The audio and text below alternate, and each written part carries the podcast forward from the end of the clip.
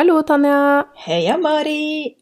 Og hjertelig velkommen til episode 37 av Sømmelig podkast.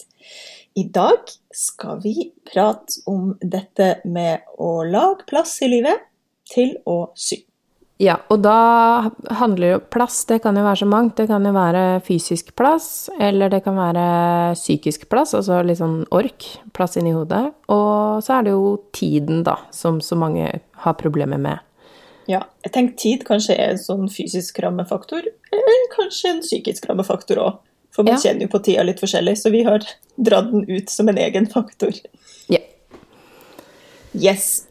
Hva, eh, altså For oss to føler jeg vel at dette her fysiske kanskje ikke det største problemet, men vi skal dekke det også, for vi har jo studioer, altså stor, god plass til å sy. Mm. Men syr man hjemme, så kan jo dette by på en del eh, logistikkproblemer. Ja. For meg, husker jeg, da jeg eh, sydde hjemme før jeg fikk svømmerom, eh, så var det dette her med rot. Jeg tåler jo ikke rot. Og det kunne noen ganger bli Altså fordi jeg hadde dårlig plass og ikke hadde et sånt eget sted for sømmen, så eh, tok det også en del psykisk rom for meg å få sydd, fordi jeg kjente at jeg orka ikke at det skal bli rotete. Så jeg orka ikke å sy.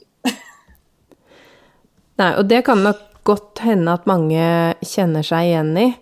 Eh, og da er det jo noe med å etablere gode rutiner mens man jobber, sånn at man rydder litt underveis, tenker jeg da. Eh, mm. Og det henger jo også litt sånn sammen med eksempel, det ser jeg også på kurs, det er noe jeg prøver å lære folk som er innom, at når man klipper av en tråd, at man legger den rett oppi en liten boks, istedenfor å slippe den på gulvet, eksempel, eller på symaskina. Altså Plutselig har du den festa til ullgenseren din eller til plagget du syr. Du liksom Det blir sånne små biter med tråder og stoff overalt. Hvis man ikke liksom Når man klipper, rydde alt bort, pakke det sammen, sånn at det ligger klart til å bare legges unna med en gang. For det er sånn type mm. rot som du tenker over. Ja. ja.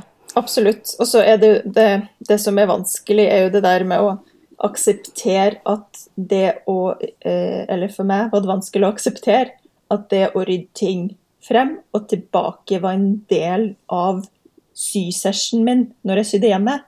Fordi mm. når jeg først kom i gang med å sy, så hadde jeg jo ikke lyst til å avslutte en halvtime før klokka var tre på natta, f.eks. Altså, jeg ble så gira, da.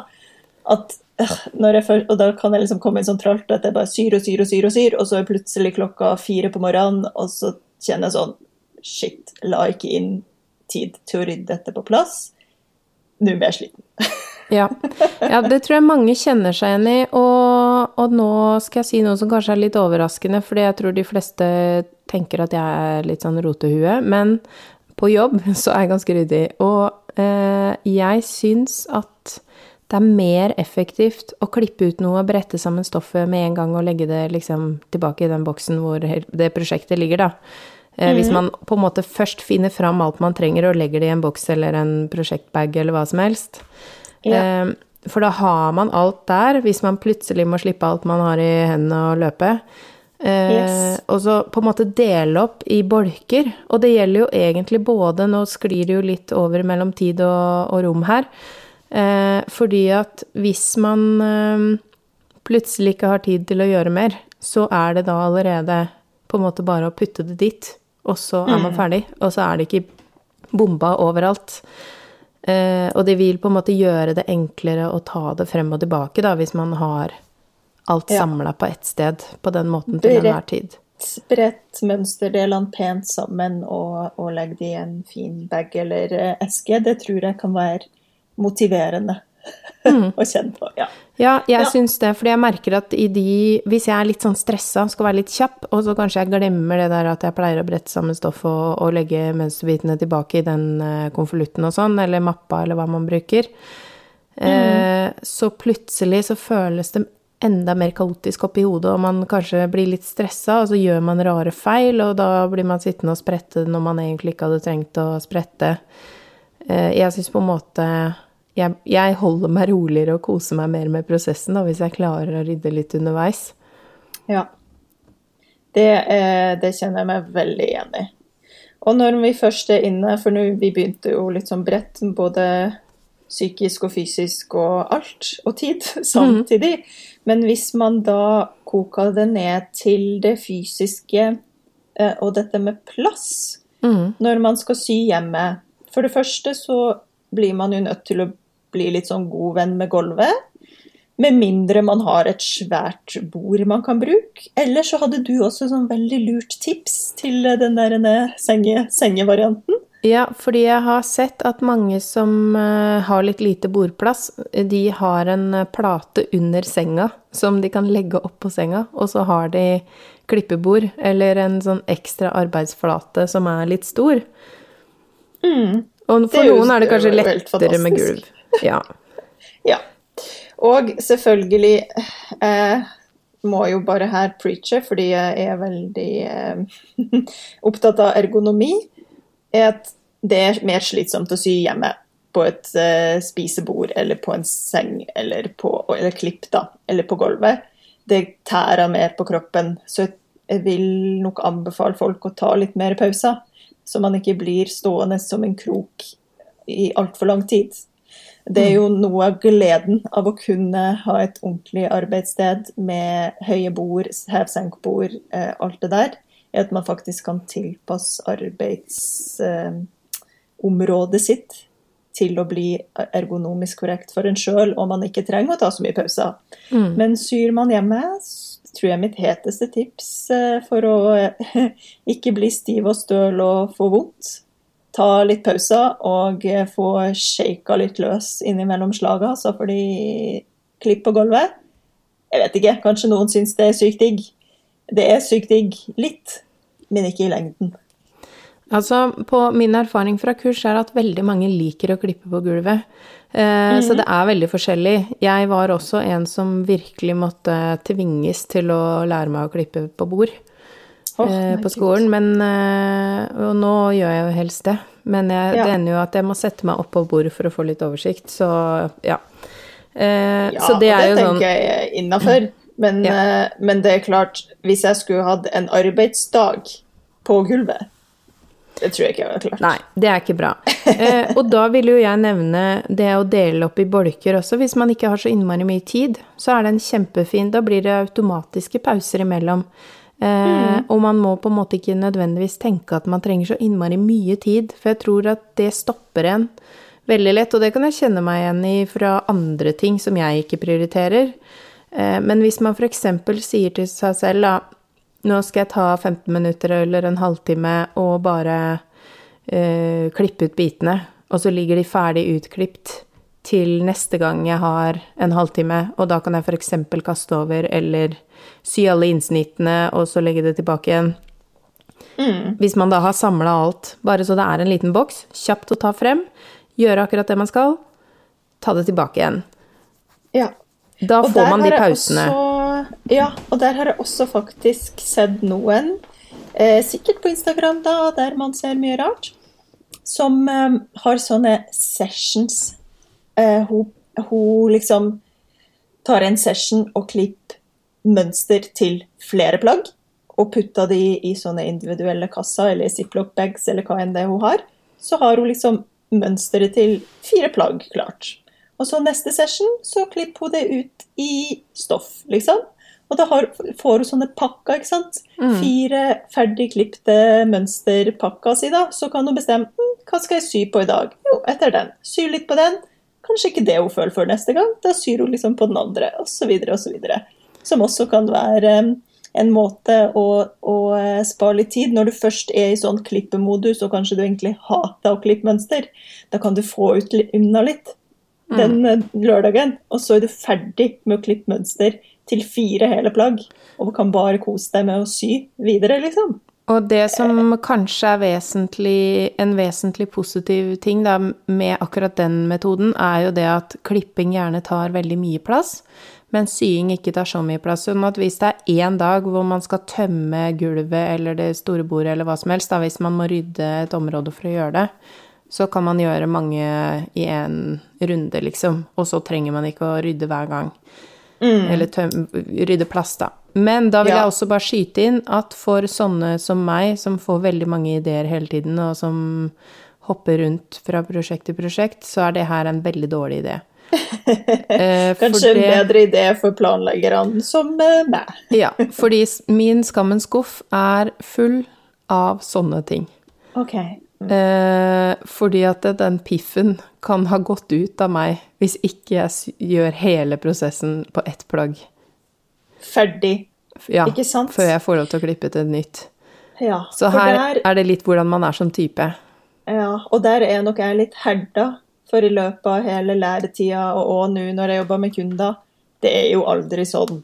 Det er jo en, en magisk verden at man jobber på et prosjekt fra start til slutt.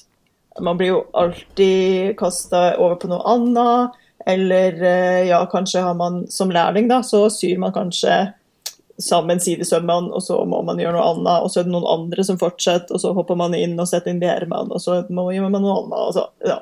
så jeg har det er liksom luksus. Kontinuitet er en luksus som jeg ikke Ja. er vant til. Nei, eh, og der er jeg helt eh, Det er jeg helt enig i, fordi at jeg Vi vet jo nå etter hvert eh, hvor mange uferdige mønstre f.eks. jeg har liggende.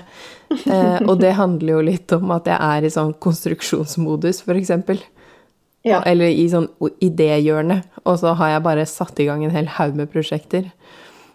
Eh, Så, så hvis man er den typen da, som blir litt sånn sliten av å ha mange ting på gang, eh, så er det kanskje ikke det man bør prioritere. Men igjen, kjenn deg selv og finn din metode. Eh, Det Ja. å dele det opp på den måten er veldig lurt eh, hvis man klarer å gjennomføre. ja. Kult. Og apropos det, for det du snakka om litt i forhold til å dele opp i, i bolker, som du var veldig usikker på om jeg syntes det var greit at du sa på lufta, og selvfølgelig skal vi være ærlige her. Dine Ja. følelser rundt PDF-mønster, og det er selvfølgelig fordi jeg selger PDF-mønster, men jeg selger også papirmønster, så det er jo fordi jeg vet at folk er som deg. Ja, eller Ja, sånn. at noen jeg- er som deg. Ja, jeg har ikke så sterke følelser for det. Jeg har prøvd PDF-mønster to ganger. Det var nok. Ferdig snakka. Ja. Det er For helt mange greit. herrens år siden. Det har aldri, aldri gått tilbake til det. Nei. Eh, fordi det som er greia for deg, at du syns det er litt stress med den der klippinga og teipinga og, og det der, for det er også en egen ting man må sette av tid til. Eh, Ja, det er ikke eh, faktisk, nå må jeg bare skyte inn for min del, det er ikke så stress med klippinga og teipinga. Det er bare ikke fan av at de er teipa sammen, og at de liksom kan dette fra hverandre. Jeg føler det spiser opp tid Ja, og ja. eh, emosjonelt eh, rom. Og eh, ja. Som, ja. Det er bare noe med Jeg koser meg ikke like mye, for å si det sånn, når når jeg jobber med med PDF-mønster. med den følelsen av PDF-mønsteret. Ja. men, Ja, men og det det kan jeg- være nok til at jeg sier nei, i dag skal jeg ikke sy. Eller det kunne være nok, da, ser jeg for meg, hvis jeg hadde vært veldig avhengig av mønster eh, og måtte ha et mønster nå, og det kunne jeg bare få tak i PDF akkurat nå klokka syv på kvelden på en lørdag, Mm. så hadde det vært nok til at jeg sa nei. Det er veldig forståelig, og som regel For jeg har jo ganske mange PDF-mønstre ettersom jeg jobber med det. eh, Men det som jeg gjør, er at eh, jeg teiper det jo først sammen, og da teiper jeg sånn at eh, teipen kommer der hvor mønsterbitene kommer.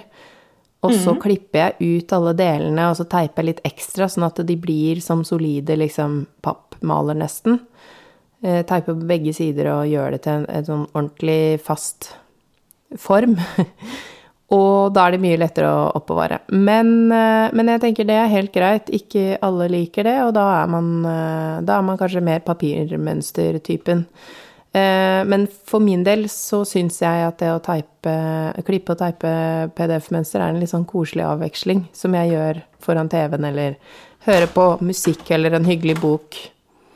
Ja, ikke sant? Og da er vi tilbake på det her med å gjøre ting litt lysbetont og hyggelig. Ja. Så altså, selvfølgelig, lager jeg litt sånn god stemning eh, rundt det hele, så kan jo de kjipeste ting bli hyggelig. Så det Ja. er jo egentlig et godt redskap i gjøre plass i livet til å sy arsenalet. ha, lage en spilleliste som gjør at uh, kjipe ting blir hyggeligere. Og ha en vinflaske Mari-style tilgjengelig til de tunge tidene. Jeg tror folk tror at jeg drikker veldig mye vin. Jeg syns vi skal forsterke det. Underbygg den. Det er altså ikke Dette er liksom etter at barna er i seng og sånn.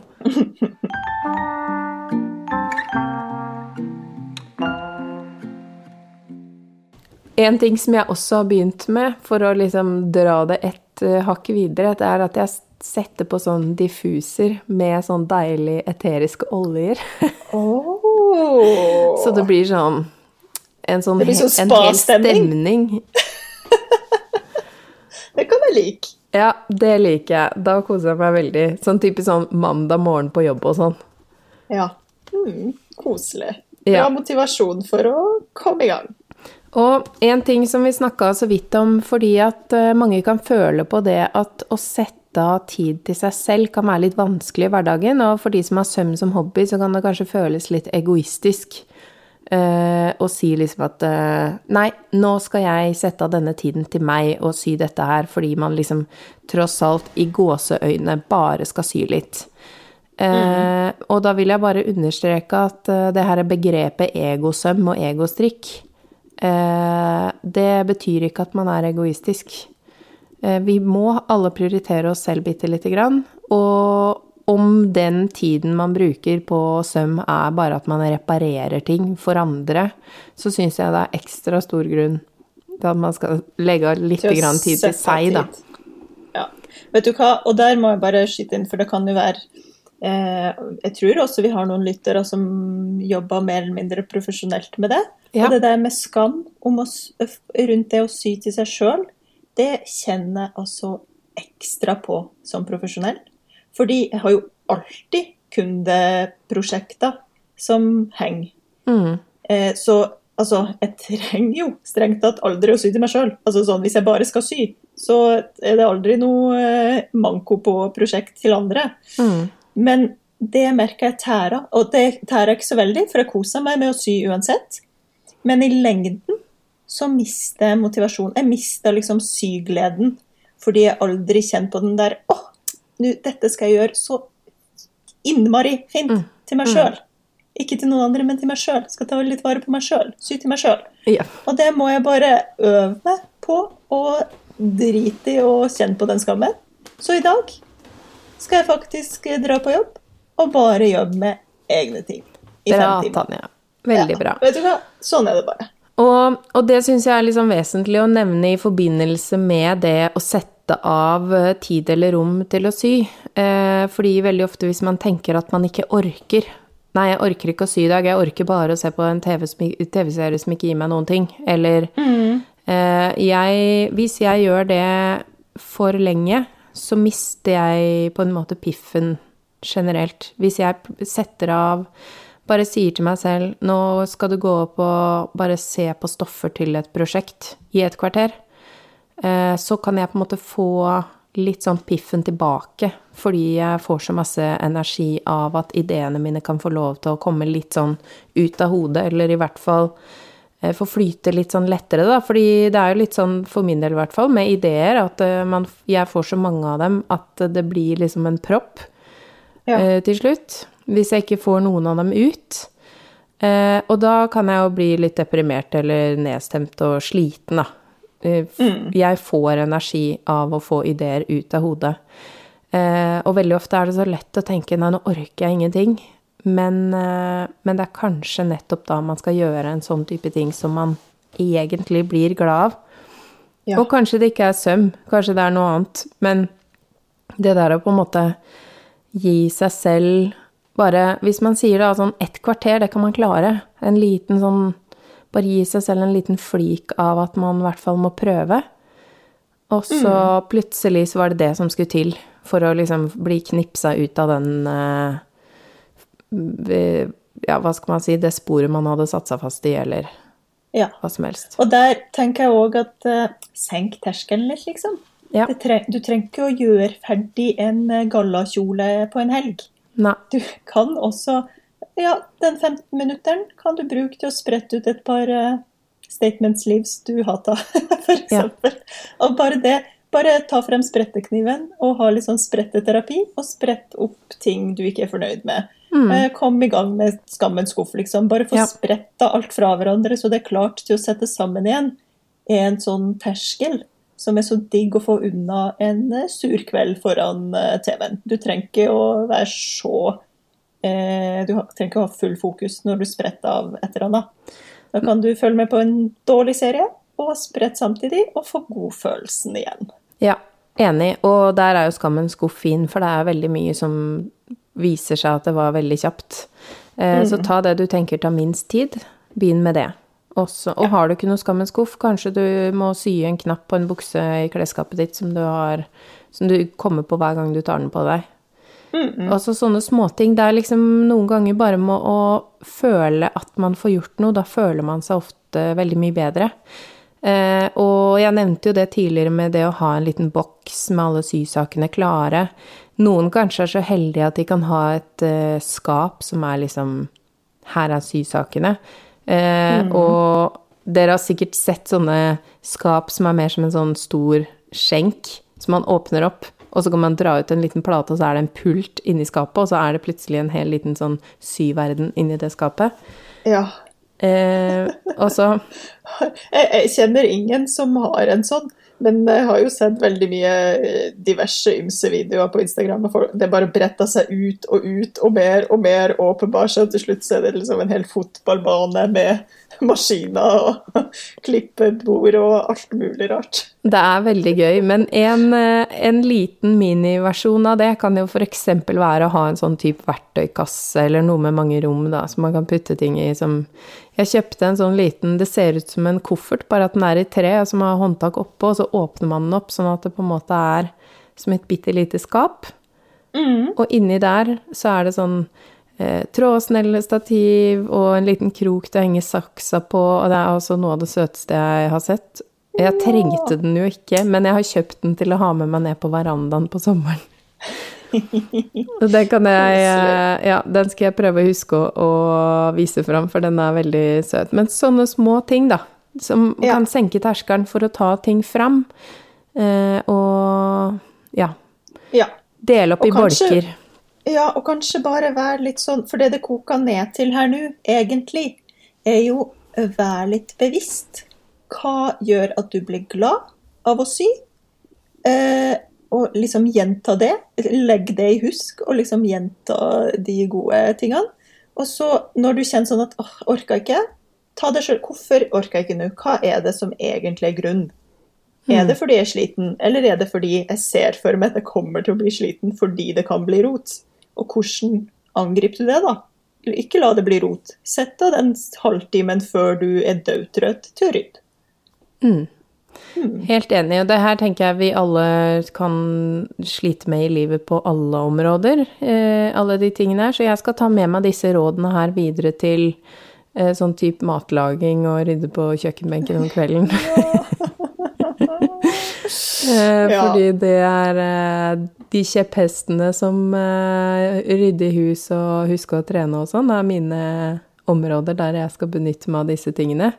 Mm. Og så skal jeg skyte inn at uh, etter at jeg begynte å sy bh, for det har vært en ting som jeg på en måte egentlig ikke har lov til å bruke tid på, men som jeg må bruke tid på, fordi nå som jeg har rydda i klesskapet mitt i forrige episode, så jeg, må jeg jo sy nye bh-er. Fordi alle er ja. eldgamle og ødelagte. Yes. Og da setter jeg av et kvarter her og der. Det funker mm. faktisk. Mm.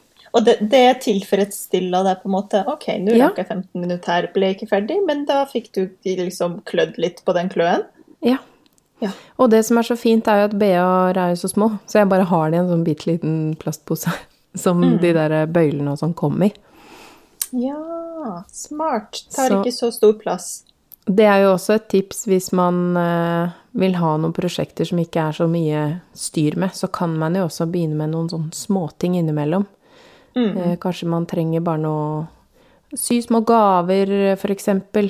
Jeg syr jo så mange bursdagsgaver som mulig til uh, vennene til barna mine, for det blir jo så mye av det. Eh, Og bare sette av en halvtime og sy eh, ti scrunchies, som disse Ja. åtteåringene kan få i bursdagsgave. Da får jeg en god følelse, og så har jeg sydd noe. Så ble jeg kvitt litt rester. Restesøm er også fin sånn eh, få i gang mojoen, eller sojoen, som det heter. Sojoen, Mm. Ja. Ja. Så jeg vet ikke, har du noe innspo for denne uka, eller? Altså Nei, hva kan min beste innspo være på, den, på dette her? Jeg tror nok at uh, man kanskje skal gjennomgå og finne ett nytt sånn organiseringselement i livet. Og for meg, altså når jeg står og jobber, sånn som du også har en sånn liten boks til avkapp og tråd, små tråd og stusser og alt sånt, det har jeg. Eh, Så tenker, hvis du ikke har det, så er det min innspo. Lag den sånn. Mine er bare sånne store hermetikkbokser som jeg har fresha litt opp med å lim på kork rundt, eller tatt sånn hyssing som jeg snurrer rundt. Em, og ellers, altså ta en liten um, Pinterest-runde kanskje, eller Google-runde, og søk bare på sånn 'Organizing Sewing Spaces'. For da tror jeg det er så mye å hente av bare sånn én ting. Oi, en krok her rett ved symaskina der jeg kan ha sysaksa. Det hadde vært digg. Få opp den kroken. Mm. Så får du en sånn god følelse at neste gang du setter ned foran symaskina, ah, der er den saksa. Den henger på kroken sin, den. Da tar jeg bare den og klipper. Ja. Det, det tror det er min innspo. Det som er litt komisk, er at eh, jeg skulle komme med akkurat samme tips, og det var å, å søke på uh, syromorganisasjonsmetoder på Pinterest. Uh, men uh, det En ting som jeg har tenkt å gjøre, og teste om det er en god idé, da, egentlig, men det kan jo hende dere kan si. For jeg har nemlig et norgesglass som har knust lokket. Og da har jeg bytta ut det lokket med en papplate som jeg har laget en liten nålepute oppå, med litt vatt og stoff som jeg har tatt rundt, og så putta inni lokket på norgesglasset. Og så Da er det en nålepute på toppen av norgesglasset, og så nedi det norgesglasset tenkte jeg å ha diverse sysaker. Jeg har faktisk eh, sånn, sånne små rester og sånn som jeg, jeg har det norgesglasset på bordet da, til å putte rester i. Men der kan man også, hvis man tar en eh, buksestrikk, en litt brei en, og så syr en liten sånn eh, Syr noen sømmer sånn at man kan putte saksa nedi Altså man kan putte ting nedi sånne spor langs den strikken, hvis man har to strikker oppå hverandre. Ja. Eh, og så kan man ha f.eks. trådsneller og diverse greier oppi norgesglasset, og så kan man ha de lange tingene festa i de der hempene rundt, Rundt utapå glasset. Norges. Og den kan være ganske fin bare å ha stående på hylla, liksom.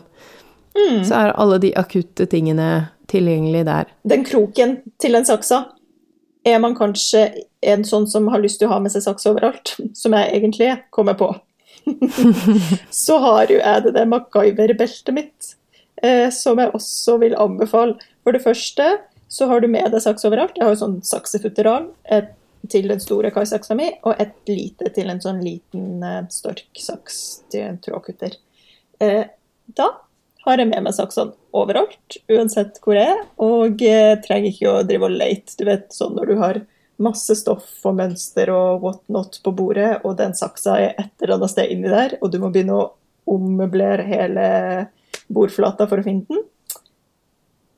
Skaff deg, ordentlig. deg. Jeg har sydd den sjøl, det er futteralet mitt. Sy deg et sånt. Da har du alltid, alltid klar som cowboy. Saksa på hofta. Bam. Veldig lurt. Jeg skal også skyte inn to tips til. Første er syr du hjemme, så er nålmagnet nesten noe du må ha. eh, fordi da kan man bare ta magneten over hele den flata oppå bordet og eh, sofaen for den saks skyld, og gulvet og gulvteppet. Så suger den til seg alle nålene, så man slipper at eh, familiemedlemmer og kjæledyr får nåler på seg. Det syns jeg er sånn Nålmagnet må man nesten ha.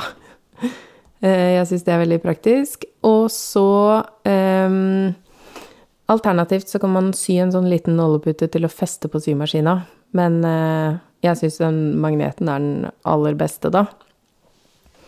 Ja, jeg har en eh, nålepute på industrimaskina. Jeg har ikke funnet en smart plass å ha den på en vanlig symaskin enda. Men dette her har jeg drømt om å få laga lenge, så kanskje det kommer en dag. Mm. Eh, et sånt magnetklistremerke som man kan klistre inni på en måte det eh, rommet i symaskina på høyre side. Mm. Så man kan putte nåla på der. Jeg har prøvd å lage en, fått laga en prototype, altså sømrom-logoen, da, Ah, som en rund magnet.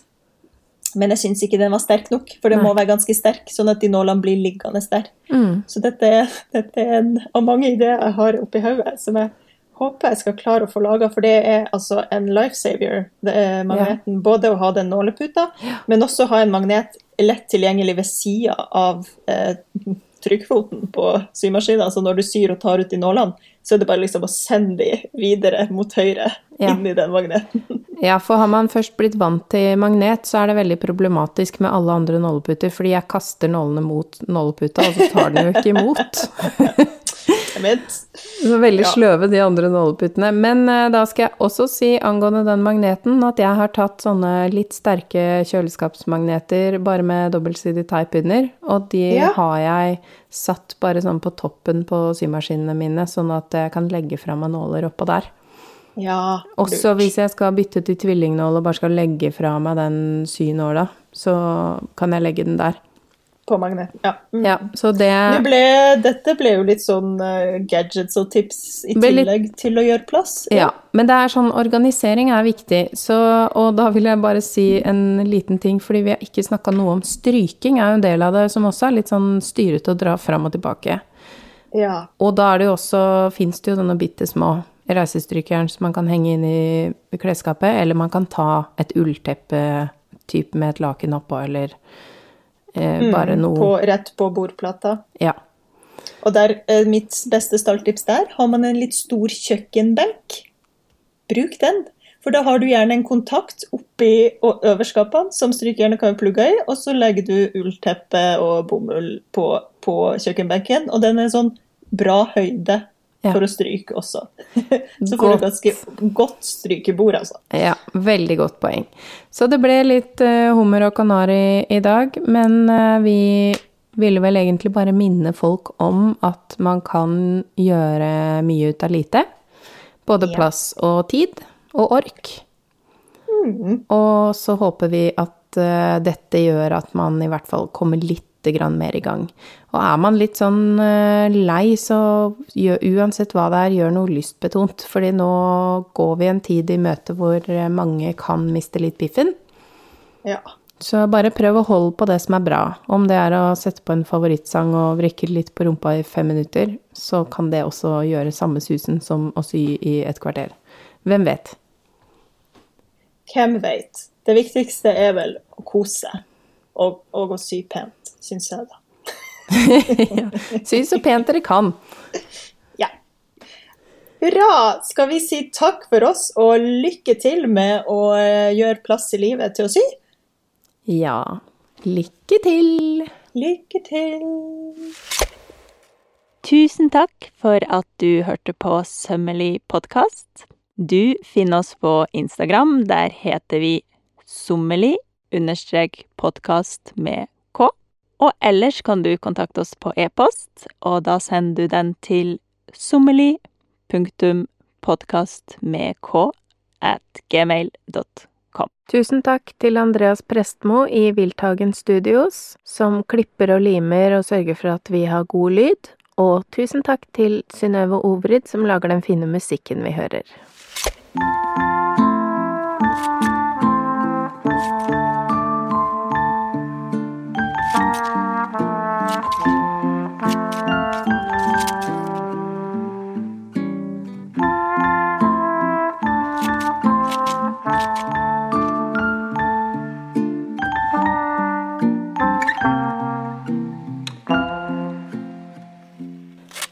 Hvis du har lyst på enda mer innhold fra oss, så kan du finne oss på Patrion.